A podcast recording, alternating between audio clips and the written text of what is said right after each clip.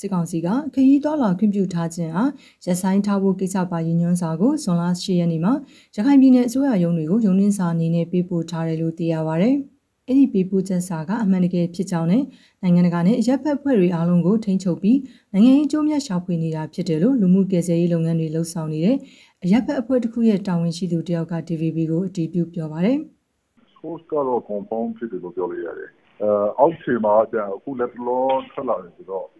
ဒီမြေပြင်မှာအနေထားကြတယ်လို့ရှိနေတစ်ချက်တော့ကြည့်ရမယ်။ကျွန်တော်တို့ကတော့မြင်တာကတော့အဆုံးထိသွားနေတယ်မင်းကုန်ရဲပေါ့ဆိုတော့သူတို့ကဒီဒီခေကကျိုးနဲ့နိုင်ငံရဲ့အကျိုးနဲ့ဆိုချင်တယ်ဒီခေကသူတို့ကိုဖက်လို့ရမယ်သူတို့စီကနေသင်သွားမှရတယ်ဆိုတဲ့အနေမျိုးကိုပြောမှာဆိုတော့နိုင်ငံတကာအဖြစ်စီရောရက်ဆက်မှုကြီးကိုလည်းအဲဒီလိုလုပ်နေတဲ့အဖွဲ့တွေအကုန်လုံးကိုတော့သူတို့ဟို ထိန်းချုပ်တယ်ပေါ့နောက်ဆက်တွေကတော့သွားနေလာတဲ့အဖွဲ့တွေအတွက်ကလုံခြုံရေးအပြင်ရောတော်တော်လေးကိုစိုးရင်ကြကောင်းတဲ့အခြေအနေရှိတော့ဖြစ်လာတယ်တော့အခန်းစီးတွေသွားနေလာတဲ့လူတွေကိုနှောင့်ယှက်ပေးတာတွေအခန်းစီးတာတွေအနေထားနဲ့လို့တော့ဒါမလို့မဆောင်တာဖြစ်လာနေတဲ့အနေအထားရှိတယ်နိုင်ငံရေးဆက်တော့ဖိတ်နေတဲ့အနေအထားမှာသူတို့ကဒီဟာကိုဟိုနိုင်ငံရေးအကျိုးနဲ့ပေါ့နိုင်ငံရေးအသုံးချအခုလိုစစ်ကောင်စီရဲ့နိုင်ငံရေးထွက်ပေါက်အနေနဲ့တုံးချနေတာကို နိုင်ငံတကာနဲ့ရပ်ဖက်အဖွဲ့တွေအနေနဲ့နိုင်ငံရေးတုံးချခံမဖြစ်ဘူး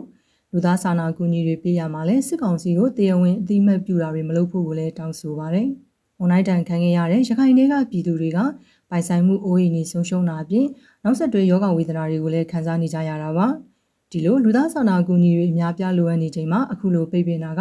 လူခွင့်ရေးချိုးဖောက်နေတာဖြစ်တယ်လို့ကျမယဝန်ထမ်းတယောက်ကထောက်ပြပြောဆိုပါတယ်။အဲလူ ထောင်နဲ့သောင်းနဲ့သိန်းနဲ့ humanitarian crisis ကြုံနေရတဲ့အခြေအနေမှာဒီသက်ဆိုင်ရာအဖွဲ့အစည်းတွေအနေနဲ့ပေါ့နော်လူသားဖြစ်မှုလူအခွင့်အရေးလူတယောက်အနေနဲ့ရက်တည်ဖို့အတွက်အမိုးအကာအစာအသောက်ရရှိဖို့ကလူအခွင့်အရေးဖြစ်တဲ့အခါကျတော့ဒီဟာတွေကိုတ ရားကိုရရမယ်ရသင့်တယ်ဆိုတဲ့ရှုထောင့်ကနေပြီးတော့ဒီ humanitarian assistance ပေါ့လူသားချင်းစာနာထောက်ထားမှုအကူအညီတွေကိုပြည့်ပြည့်ဝဝပေးဖို့ပေးနိုင်မဲ့လမ်းကြောင်းတွေကိုဖွင့်ပေးဖို့လိုအပ်တယ်လို့ဟိုကျွန်တော်တို့မြင်ပါတယ်ဗျကမ္ဘာစားနပ်ရိက္ခာအစီအစဉ်ကမူခမွန်တိုင်းတန်ခံခဲ့ရတဲ့ဒေသတွေရဲ့လူဦးရေ၈သိန်းကိုကနဦးအနေနဲ့၃လစာရေးပေါ်စားနပ်ရိက္ခာနဲ့ငွေသားထောက်ပံ့တွေပေးနိုင်မှုလှုံ့ဆော်နေတာတွေရှိနေပါတယ်။ အခုလိုချိန်မှာစစ်ကောင်စီရဲ့တားဆီးပိတ်ပင်မှုကရခိုင်ပြည်သူတွေပေါ်ဒုက္ခပေးနေတာဖြစ်ပြီးနိုင်ငံတကာမှာမျက်နှာရလိုမှုနဲ့လုပ်နေပေမဲ့လည်းပိုဆိုးလာနိုင်တယ်လို့ဝါရရခိုင်နိုင်ငံရေးသမားဥဖေတန်ကဝေဖန်ပြောဆိုပါရယ်။အော်ဒီလိုအရေးပေါ်လူသားချင်းစာနာမှုဆိုင်ရာအထောက်အထားတွေအထောက်ပံ့တွေကိုဟိုကန့်သတ်ဖို့တဲ့ပေါ့နော်။ဟိုကိုတို့လက်နဲ့ဝေးရဲသူများသူများ